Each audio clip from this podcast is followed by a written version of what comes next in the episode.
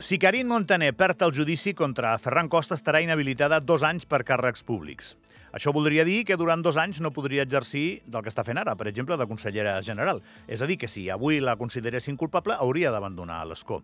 També hauria de pagar diners a Costa si surt culpable, una pasta, eh? 80 i pico mil euros, i arrossegar per sempre més un antecedent de condemna en un judici. Tot això si Karim Montaner perd el judici.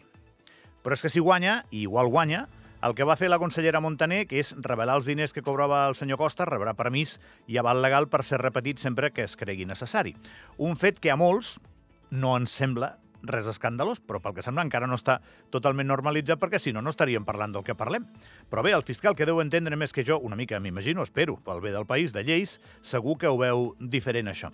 Quan dic que no em sembla escandalós és que per què? Perquè parlem de diners públics, al final. A banda d'això, guanyi o perdi Montaner, Karim Montaner ja ha guanyat, perquè els fets que l'imputen no atempten contra la seva honorabilitat. I m'explico.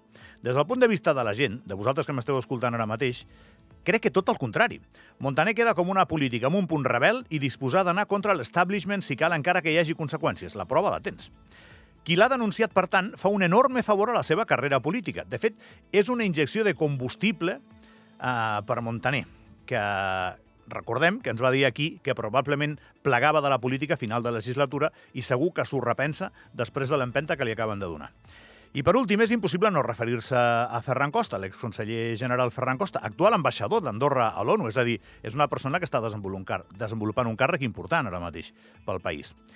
Passar pàgina forma part de les habilitats d'una trajectòria llarga de servei públic. I en aquest cas està clar que Costa no ha estat capaç i s'ha ficat en un partit que, encara que guanyi els tribunals, perdrà segur.